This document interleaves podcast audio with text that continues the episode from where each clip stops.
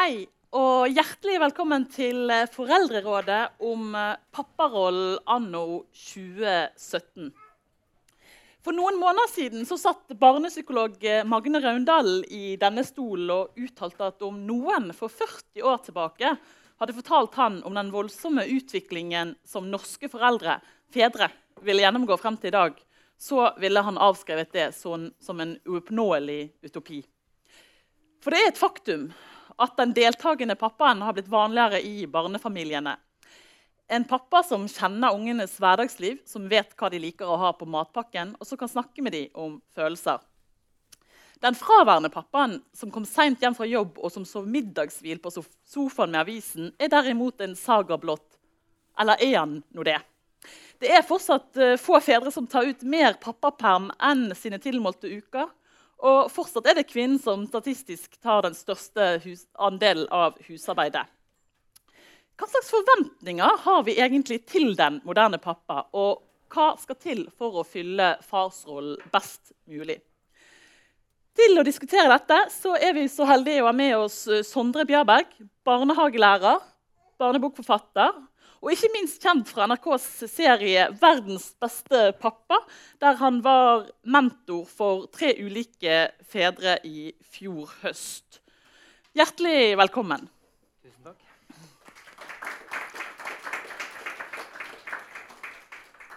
Jeg tenkte at vi kunne starte litt uh, historisk jeg, med det som vi kan kalle gårsdagens uh, pappa. da. Ja. For altså, Grovt sagt så kan vi vel fastslå at det har skjedd store ting med papparollen de siste 30-40 årene. Bare fra din fars generasjon og, og, til i dag. Hvordan var din egen uh, far? Ja, nei, det er jo en, Jeg opplever det i hvert fall som en sånn veldig sånn stor forandring. fra det å vokse opp i et lite borettslag litt sånn utenfor Oslo. en bitte litt sted, Med en pappa som bare var og jobba. Han jobba jo mandag, tirsdag, onsdag, torsdag, fredag. Og kom gjerne hjem akkurat når jeg hadde lagt meg. Så det var sånn. Eh, men så var han jo veldig sånn til stede i helgene. Der var jeg så heldig, så han hadde ikke helgejobb.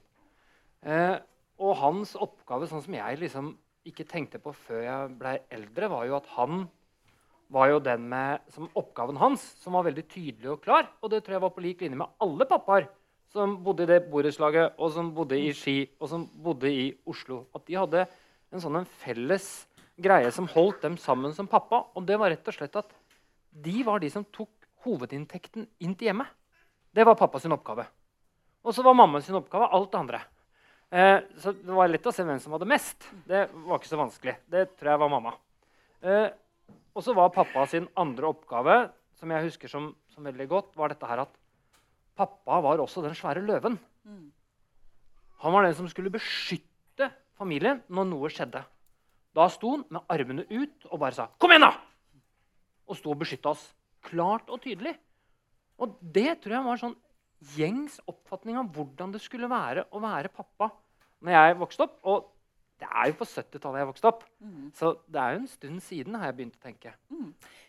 Hva er det som har skjedd med papparollen fra denne løvepappaen i borettslaget og frem til i dag? Kan du gi oss et kort uh, riss? Et, et, kort på det. ja. eh, det er at uh, pappaene i dag de skal tørre å si høyt at de går til psykolog og har store problemer.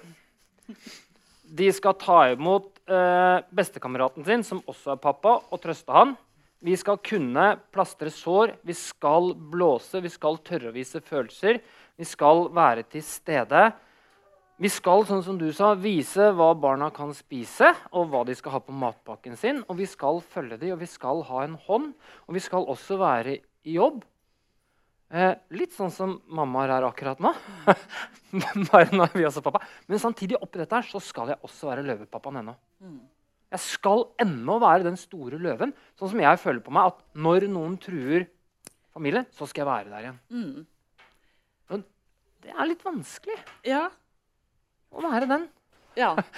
Tenker jeg at mange pappaer, pappaer er. Og så er jo det Jeg har jo ingen forbilder. Mm. Jeg har jo pappaen min på 70-tallet som var løven. Og så har min rolle forandra seg så mye av hva som kreves av meg nå. Så da blir jeg så usikker, for hvem er det jeg skal se på? Mm. Hvem er det jeg skal hente inspirasjon fra? Og hva er felles for fedre i dag?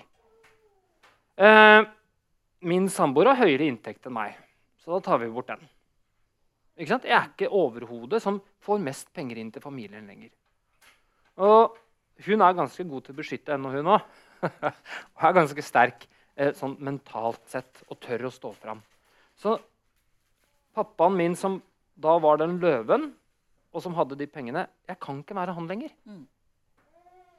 Jeg kan ikke bare se tilbake på den og tenke jo, sånn skal jeg også være. Det fungerer ikke i dag. Så det, er så, det tror jeg kanskje er det mest frustrerende for, for mange fedre, er akkurat den. Ja. Men hvor finner man forbilder, da, hvis det på en måte mangler i, i generasjonen før oss? Ja, jeg, jeg, jeg, tror man finner Jeg tror man finner forbildene sine i mennesker man møter. I barndommen sin av Jeg husker jeg hadde en fantastisk lærer i sjette klasse som jeg husker godt ennå, og som jeg ønsker å være.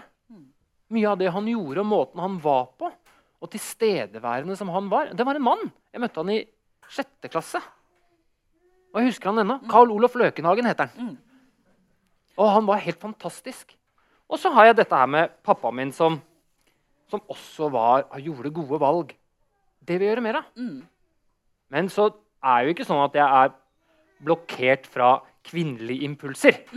Så, så, jeg har jo masse av det jeg liker å gjøre, og den jeg vil være, Mm. er jo kvinner som jeg har møtt. Jeg har så, jeg har ikke møtt så mange av dem. Apropos uh, forbilder, så Ja. har jo du vært et uh, selv altså Jeg snakket innledningsvis om programmet 'Verdens beste pappa'. Ja. Som nettopp vel kommer som et behov av å, å på en måte eh, gi litt impulser til hvordan man kan fylle denne rollen, fordi den er ny og i stadig forandring. Ja. Og her ble du uh, ja, koblet inn som en mentor da, for tre av disse pappatypene. Og jeg har lyst til at du skal fortelle litt om, om de eh, pappaene du møtte, da, som kanskje kan eh, ja, være bilder på eh, ulike fedretyper av i, i dag. Ja, ja jeg møtte øh, Jeg var jo sammen med disse her i, i, i mange dager og fikk sett på de og vært til stede og prata med de. Og det var tre veldig forskjellige pappaer jeg møtte. Jeg møtte en pappa som jeg aldri har sett være så mye til stede noen gang.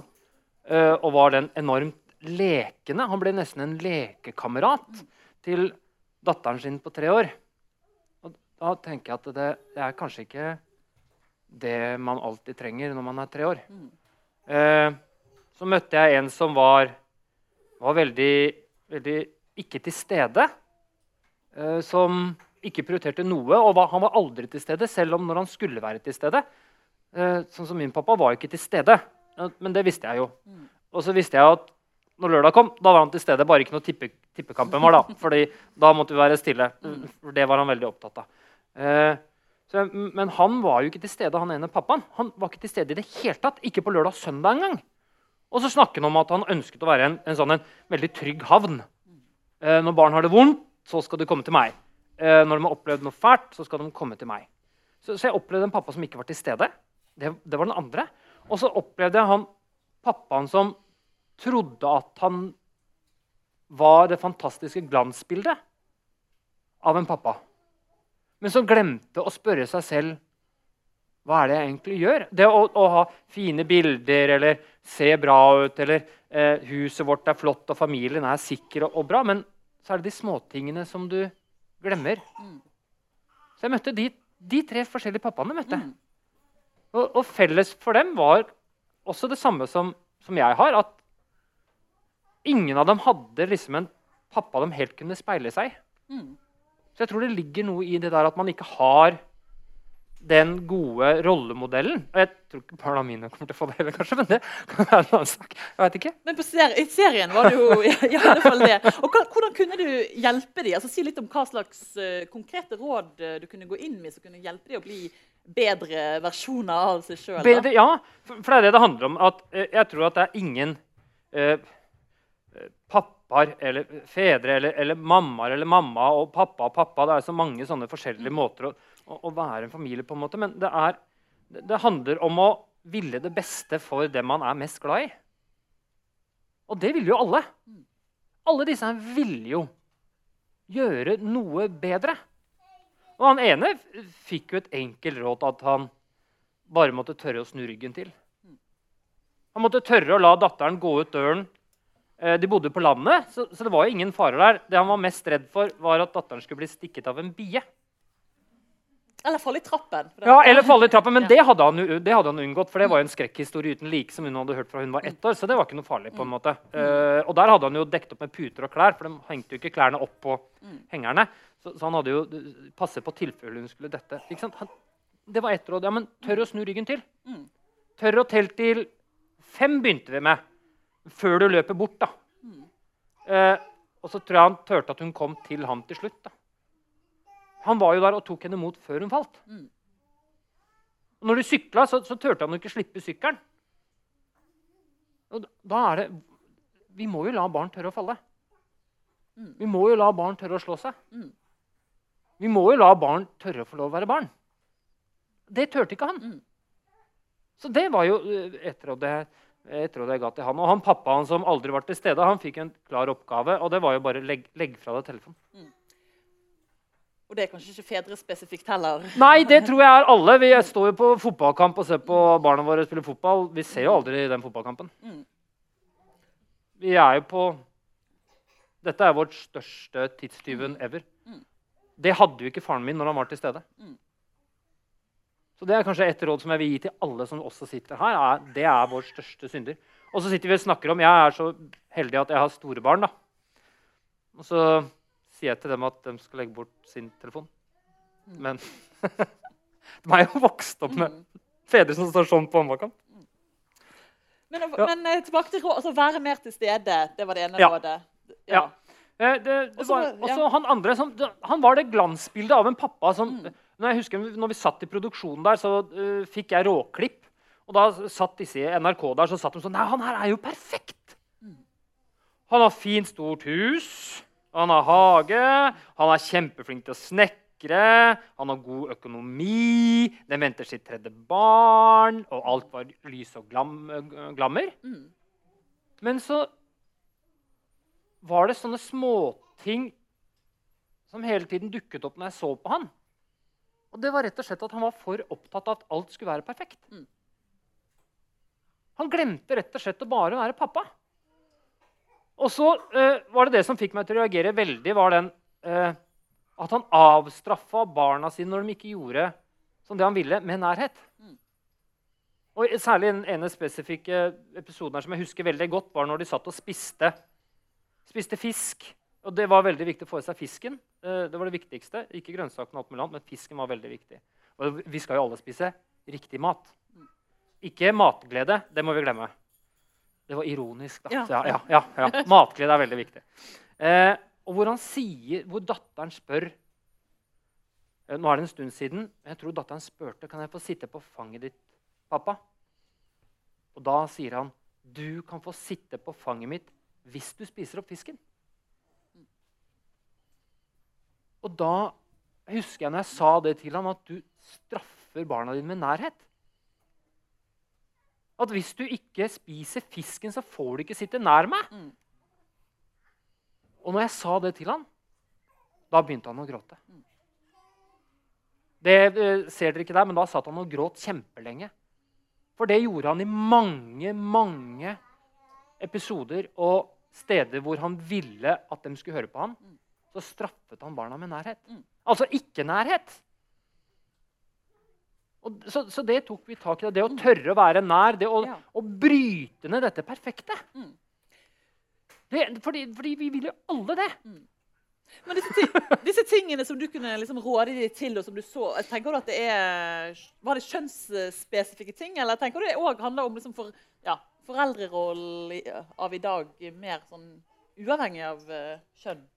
Ja, og det, det jeg tenker, er at eh, det er så Det er nesten å undergrave sin egen situasjon på hvorfor jeg sitter her. da. Så, så det er jo, Jeg har jo kommet hit for å snakke om pappaer og fedre. Eh, men det er det man innser, at det, er, det handler jo ikke om pappa. Eh, det handler ikke om bare mamma, men det handler om det å være en voksenperson og tilstedeværende. Og en, det, det å, å tørre og vil være. Så ja, det er helt kjønnsuavhengig, egentlig. Det har ikke noe med kjønn å gjøre, men det har noe med det å være en betydningsfull voksen for, for barn. Og det handler ikke engang om å være fedre. Det kan handle om å være bestemor og bestefar. Men hvis vi skal oppsummere altså hvis du, Hva er liksom fem viktigste tingene for å være en god eh, far? eller De fem viktigste tingene å, å være, på å være en, en pappa eller mamma jeg, jeg tror jeg må være Det første som jeg tenker er det aller viktigste, er det å ikke glemme at du er pappa. Eller ikke glemme at du er mamma. Du er ikke lærer, du er ikke barnehagelærer, du er ikke pedagog, du er ikke psykolog. Du er liksom alt dette blanda til én, og det heter mamma eller pappa. Du må tørre det. Og så må du tørre å legge bort alle disse fantastiske bildene som vi går og surfer på. Jeg tror det heter Instagram og Facebook. Hvor vi henter en kjempeinspirasjon. Og som kanskje er det stedet hvor Hvis jeg virkelig skal grave meg ned som pappa, så kan jeg gå der. Legg bort det. Legg det helt bort. Altså, ikke post, Du bør ikke poste sjøl engang, fordi jeg tenker at opplevelsen med det å være mamma og pappa er det beste. Ikke at du skal få antall likes. Det- jeg føler meg litt truffet her nå. Ja, jeg tenker, det, det, jeg gjør jo det sjøl òg. det, det er- råd nummer to. Råd nummer tre er bruk hverandre som ressurser. Og ikke se motsigelser. For jeg ser så mye av det. Og det har jeg opplevd sjøl òg. Hva legger du i det? Og, altså for at det blir en kamp mellom Ja, det blir en kamp mellom, mellom foreldrene istedenfor å tenke ja, men du gjør aldri det. Du sa det nettopp nå i stad. Eh, statistisk sett så ser man at kvinner gjør mest husarbeid. Ja, så er det sånn, da. Eller ja, kanskje det er sånn akkurat nå, men er det noen motsigelse i det å være en god familie? Jeg, jeg tenker at man bør Dette var råd nummer tre, tror jeg jeg var på nå. Se ressursene i hverandre og bruk de. Og tør å snakke om ting som er vanskelig. Tør å snakke om det, men, men ikke sånn Fordi da, da gidder jeg ikke høre. Bygg meg litt opp først. Men litt sånn 'Å, det var så bra å se deg', og 'det var så godt når du tok opp', og 'det var så bra når du trøstet'. Men du, du kan jo sette på et plaster også. Ikke sant? Da, da bygger jeg deg først opp, og så kan vi ta en utfordring sammen etterpå. Det var råd nummer tre. Så jeg, tror ikke jeg har så veldig mange store råd. Men fem. Men eh, vi, snak, vi eh, må jo også inn på at du har jobbet 25 år i barnehage Ja. og skole. Og, og hva har skjedd? eh, og Da møter man jo eh, Eller etter hvert møter du i hvert fall ganske mange Ja. eh, fedre. Ja. Si litt om hvordan du har observert fedrerollen forandre seg på, fra det perspektivet. da. Ja. Det, det har forandra seg veldig, dette her med og, og da er vi inne på det, det viktige at det som den store forandringen som jeg ser, er jo at fedrerollen har forandra seg så utrolig mye at de er så mye mer til stede. De vil så mye mer. Fra å ha samtaler om barn i barnehagen med bare mamma, så har jeg nå samtaler hvor jeg tror ikke jeg vet om en, ett foreldrepar som ikke kommer på samtalen. De kommer begge to. Og når mor ikke kan, så kommer bare pappa. Og å, den viljen til å være til stede, viljen til å tørre og viljen til å skal bety noe mer enn bare en helgepappa, den har blitt enormt kraftig. Lysten til å vite mer om barna. akkurat det som vi om her det At jeg vet hva barnet mitt vil, jeg vet hva det sliter med, jeg vet hva som er utfordringene. Det vet pappaer i dag òg. Jeg tror ikke faren min smurte én gang matpakke til meg. Han tror ikke han visste at jeg likte brunost aller best. Men det vet vi jo i dag. Og vi vil være der på lik linje Ja. Som en omsorgsperson. Og det har forandra seg veldig. Og det er en kamp som Det er kanskje en av de største kampene hvor vi nå er menn på vei inn i to av de siste stedene som kvinner virkelig regjerer. Og det er familien. Å være den omsorgspersonen som holder familien og vet alt om familien. Og omsorgsyrkene. Mitt yrke. Barnehageyrket. Det er ikke så mange av dem ennå, men vi begynner å komme. Ja. Ja. Hvorfor, tre ja, hvorfor uh, trenger man flere menn inn i barnehagen? Er det noe, kan menn tilføre noe som uh, kvinnelige førskolelærere ikke kan? Vær ærlig. Ikke jeg, nei, nei jeg, skal, jeg skal være helt ærlig. Uh, nei, jeg tror ikke vi kan tilføre noe mer. Mm. Fordi det er ikke opp til meg. Det er opp til det barnet jeg treffer. Mm. Men å gi mulighetene uavhengig av om jeg kan tilføre mer eller ikke eh, Ja, mennesker, det mennesket du møter Jeg kan tilføre noe mer enn deg, og du kan tilføre noe mer enn meg. Jeg er der i form av den jeg er. Og så er det godt å se at man er gutt. Mm. Og det er godt å se at det er damer og jenter og kvinner. Men jentene trenger jo også det, av meg å møte meg i barnehagen. Ikke bare gutta. Som mange sier nei, det er så bra for gutta å treffe mannen i barnehagen. Nei, det er ikke bare det. Det er masse jenter som sitter oppå skulderen min og hopper rundt og er til stede når jeg er der. Mm. Det handler om å speile samfunnet generelt også i disse yrkene. Mm. Og det tror jeg man gjør med at menn kommer inn i omsorgsyrkene, Mm. hvor vi mangler.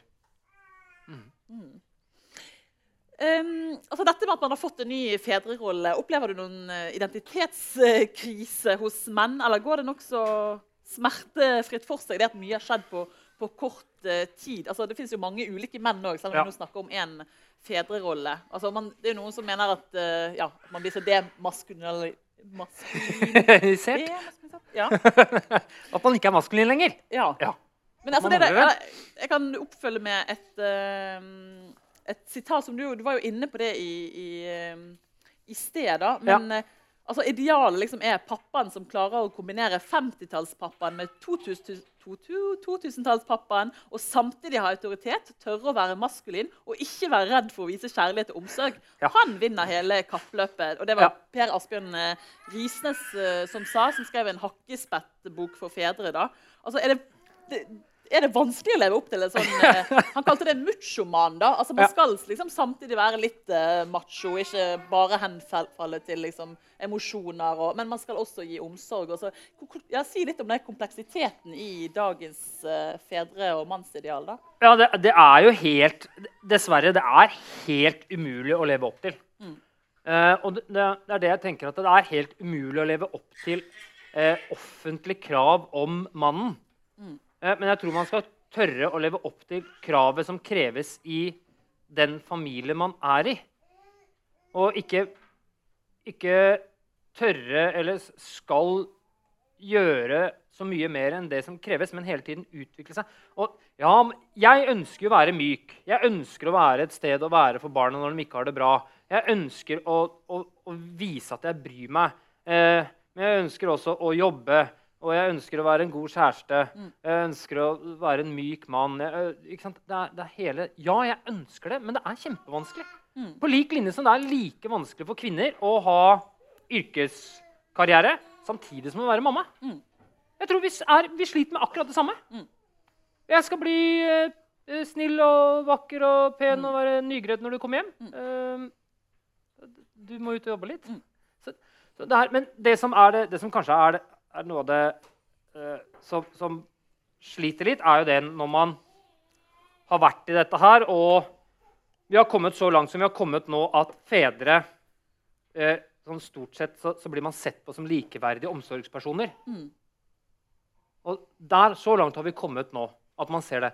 Men så er, det jo, er vi uheldige noen ganger at det blir et, blir et brudd. Mm. Og da plutselig er vi nede på 70-tallet igjen. Mm. Ja, du, har- du har jo selv eh, opplevd eh, samlivsbrudd. Ja. Kan du si litt om hva utfordringer det skapte for fedrerollen? Ja, det, Fra å være en pappa i en familie som var en god pappa, som var en pappa som var til stede, som var en pappa som betydde noe for barna, eh, og visste faktisk hva de skulle ha på matpakka si, til å måtte gå en kamp igjen. Jeg har ikke forandra meg. Jeg vil jo være pappa ennå. Men i det offentlige så må jeg gå en kamp. Da er jeg på 70-tallet igjen. Jeg er på 70-tallet med å si jeg vil være pappa 50% Og når jeg var i møte da For det, det må man. Man må komme i sånne møter og snakke om bruddet sitt. Og da, da sa jeg jeg vil være pappa 50 Da fikk jeg spørsmål fra de som satt på den andre siden. Er du sikker? Det er uvanlig. Men er det, altså, Man har jo inntrykk av at det ikke er vanlig. Altså, den nye normen har blitt 50-50. Men hvor- Ja. tror du at uh, man henger igjen uh, At det er et gap da, mellom den, det moderne likestillingsidealet og den, den type prak, altså, holdninger da, som Ja. du har møtt der? Ja. Og, det, er, bare si det, det er ikke bare mitt møte, for nå ble jeg sånn personlig at ja, jeg møtte det. Men jeg møter jo mange pappaer som også går fra hverandre i barnehagelivet. Mm. Og de har slitt med akkurat det samme. Mm. Og det jeg, tror, jeg tror ikke det offentlige instansene klarer å følge utviklingen i samfunnet generelt. Mm. Og så er det argumentet som, som man blir møtt med ennå, er at uh, ja, men det har jo ligget inni mors mage, og det har blitt ammet. Mm. Men er jeg, en, er jeg mindre verdt som omsorgsperson fordi jeg ikke klarer å leve Eller vi ikke klarer å leve med mammaen? Mm. Skal min rolle som omsorgsperson og viktighetsperson brytes ned til ingenting? Mm. Fordi når jeg lever i familien, da ser jo alle på det at Mm. jeg er en viktig rolle. Ja. Men ikke når man velger å gå ut. Mm. Og, det, og det gjelder jo liksom halvparten av oss. da. Ja. Altså, du, møtte, altså, du møtte jo også en uh, fraskilt tvillingfar Ja. uh, i programmet ditt. Og, uh, hva slags utfordringer uh, utover det du har sagt, skaper det for papparollen når man blir liksom høvdingen på hjemmebane? Ja. Nei, utfordring Utfordringen det skaper Den største utfordringen som, som man skaper, og som, som jeg også kjente på meg, var at alt skulle være så jæskla bra. Ja, Det skulle, det skulle jo bare være smil. For du har jo halvparten av tiden. Ja, Jeg var jo bare halvparten, så jeg måtte jo ha masse av den gode tiden min inn i den halvparten av tiden. Ja, Jeg måtte bare fylle det med det. ja. Og det tror jeg er den frustrasjonen, fordi jeg var jo redd for at nettopp i dette her at hvis jeg ikke gjør det, og dette gjaldt han pappa, hvis han ikke gjør det, så vil de i hvert fall ikke være hos meg. Mm. Og så glemmer jeg at de krangler like mye på den andre sida. Mm. Så, så den, den frustrasjonen, frustrasjonen der med å, å, å være redd for krangel, eller det, å- redd å være normal Mm. Det er jo ikke sånn at man ikke krangla, eller at du sto opp med barna dine når du bodde sammen. Mm. Det var jo det. Og det, det er kanskje det man merker og sliter mest med. Hva nå? Mm. Med den pappa. Hva Ja. nå? Mm. Men eh, det har jo løst seg eh, ganske greit for deg. Ja. For å være litt personlig, Ja. så har du også blitt bonuspappa og Ja. fått en ny samboer og, og to, to nye barn. Og dette er jo også på en måte representativt for mange, at man går inn i en ny sånn eh, populært kalt lappeteppefamilie. Ja. Hva slags utfordringer skaper det for eh, det å bli en bonuspappa? Ja, nei, det har ikke For meg så har ikke det skapt så mange utfordringer, fordi det, det som, er, som jeg ser på meg selv som, og som jeg tror Der har vi jo noen forbilder på en måte, som, som tør å stå opp og prate om dette her. Det er at Jeg vil ikke se på meg som, som pappa, men jeg vil se på meg som en viktig omsorgsperson for de, for de to andre barna. Mm.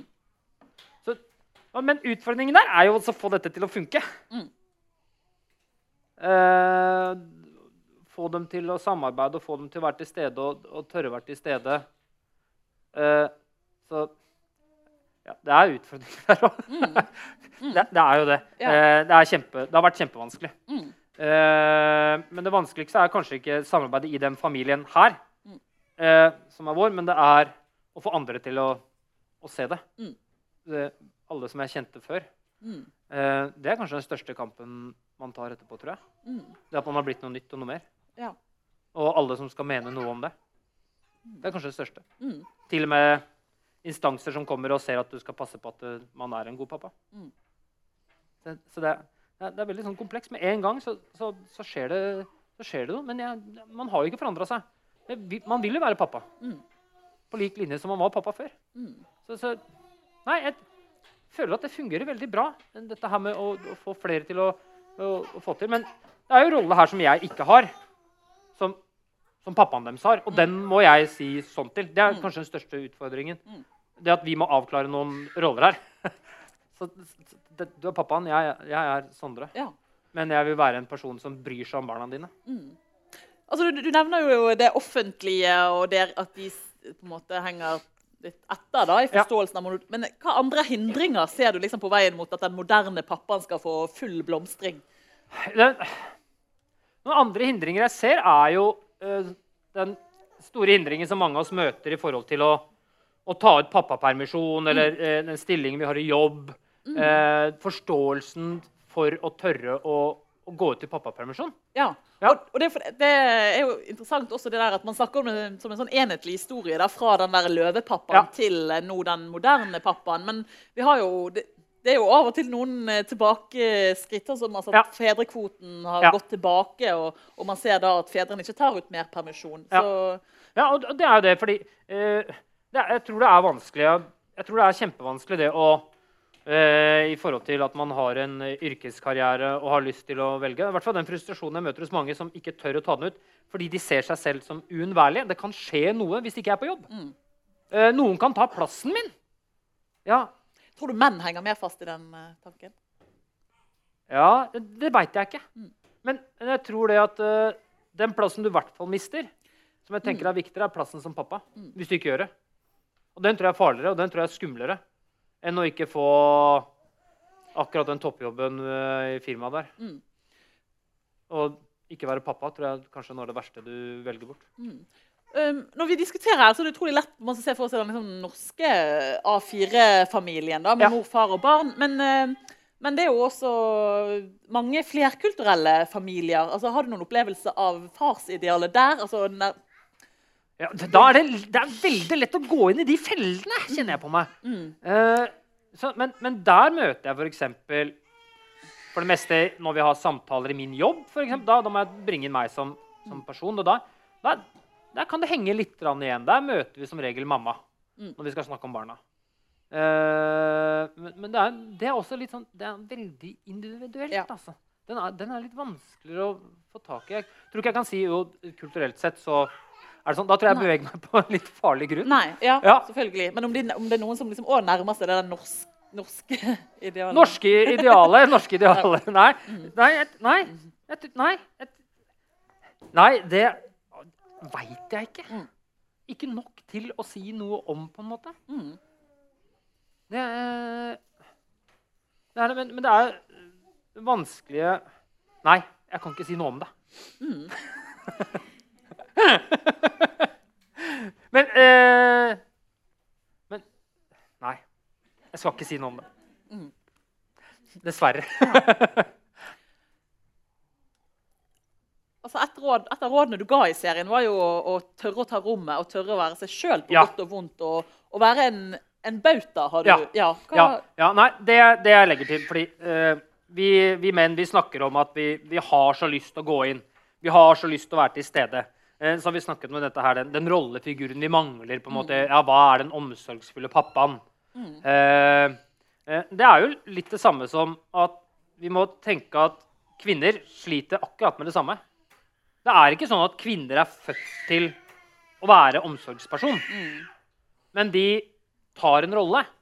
Og jeg tenker at den rollen må vi tørre å ta. Og det var det jeg snakka om, det å ta rommet. Hvis du først tar rommet, så må du tørre å være der. Og så må den andre parten tørre å slippe opp rommet litt. da. Ikke sant? At du tør å stole på mannen din når barnet slår seg. Og jeg kommer og tar det opp sånn. Og så legger jeg det inntil meg, og så trøster jeg det. Og så kan det jo ni av ti av de tilfellene så har min samboer stått der med armene klare.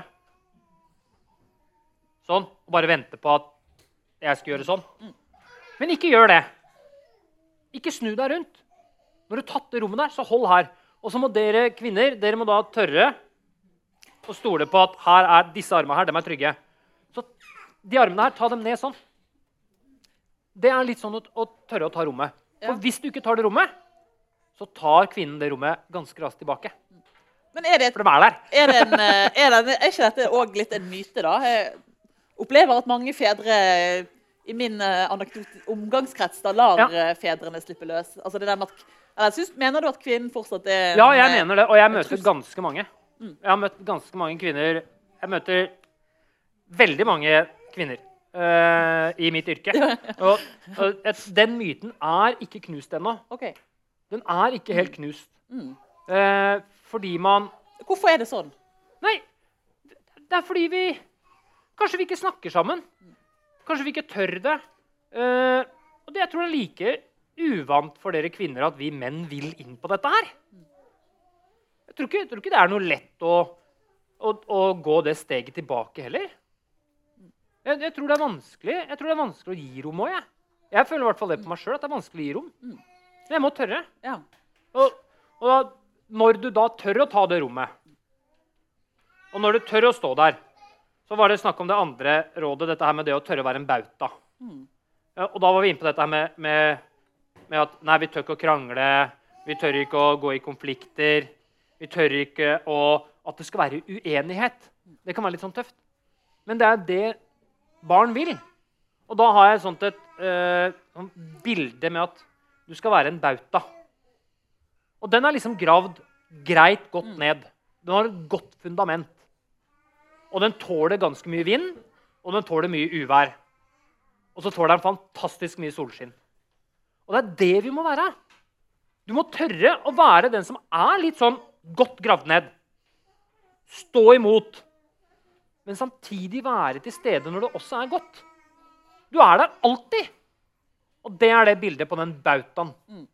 Jesper Juel sier noe helt fantastisk noe om eh, dagens mødre og fedre. Og det er Vi syns det er så vanskelig å gå inn i konflikter med barn. Så vi hele tiden rygger unna og blir borte. Og så er det barnet som er i fokus. Og han har gjort det forbilledlig, som jeg syns er helt fantastisk satt. Nå er det sånn at det er et svært hav med store bølger. Uti der så går det noen båter og veit ikke hvor de skal hen. Men det som er fyrtårnet vårt, det er ungen. Vi har liksom bytta roller. Og, og, det ser man jo. Hvorfor har vi alle disse bøkene om eh, eh, ikke kost for barna dine, tør å stå i konflikt, eh, ikke bowlingforeldre, men curlingforeldrene? Fordi vi har glemt fokuset. Det fyrtårnet skal jo være meg. Jeg skal jo stå på den faste grunnen. Og så skal disse barna mine de skal få lov å være ute i dette havet her. Og de skal få lov å miste litt synet, men jeg skal stå der. For når de kommer opp igjen, så er jeg der. Men vi er ikke sånn lenger. Nå er det vi voksne som er båtene, og så er ungen fyrtårnet. Det er liksom den som vi skal rette Det er deg vi skal følge. Nei. Og det er også det samme bildet på bautaen. Det er ikke ungen din som skal være bautaen, på en måte, fordi det, det funker ikke. Men det er litt sånn det er. Og det tror jeg er det fokuset ha, har også forandra seg. Dette her, eh, barnefokuset med at nei, nå skal vi gjøre alt. Vi er to stykker som gjør alt. Det er kjempevanskelig. Men det er ikke alltid lett å være en, en, en bauta. da. Det er ikke alltid lett Nei. å være en god forelder. Nei. Og, og i, eh, i dette programmet så, så framsto du som en sånn uh, superdaddy der, som, som skal fortelle andre hva de kan gjøre. Men hva, hva syns du sjøl er liksom det vanskeligste og mest utfordrende med å være en god pappa? Det mest utfordrende med å være en god pappa er å bare tørre å være pappa. Jeg er utdanna pedagog, så jeg kan lett prate om andres barn. Jeg kan lett prate om andres pappaer. Men det vanskeligste er å tørre å gå inn i seg sjæl og, og reflektere over rollen sin og hva jeg gjør. Eh, og særlig det når jeg ikke tar de gode valgene. Det å tørre å se seg selv i et sånt et retrosperspektiv. Jeg er veldig flink til å klappe meg på skulderen. sånn, å, var flink med Sondre. Da fikk du til. Men jeg hadde jo problemer med det når jeg ikke fikk det til. Da kunne jeg gjerne eh, si sånn eh, Når tingene gikk bra, da var det meg. Når tingene gikk dårlig Fy fader, de drittunga! At da skylder vi på barna. Det er litt sånn eh, Det er ikke sånn det er. Så det var kanskje det sånt, sånt råd som jeg tok til meg sjøl. Det at det er jo jeg jeg som har ansvaret. Og det å innse det, det tror jeg er den største utfordringen. At jeg har ansvaret. Ja.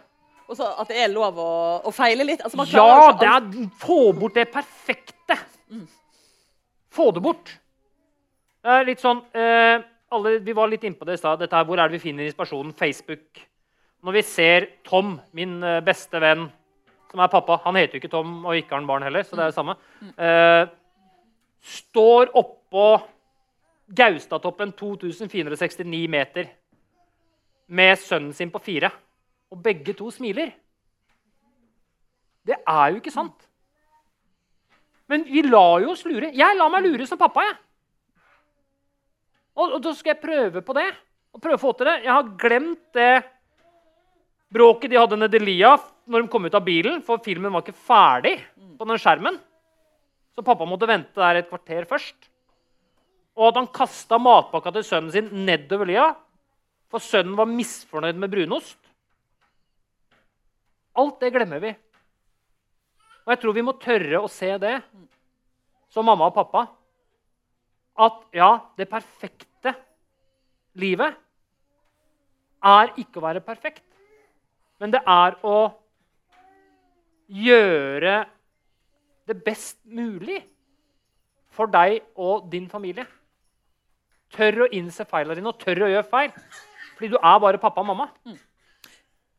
Det var, Tusen takk eh, for eh, entusiastisk tilstedeværelse Takk skal du gode ha. Innspill. Og tusen takk til eh, publikum, ikke minst.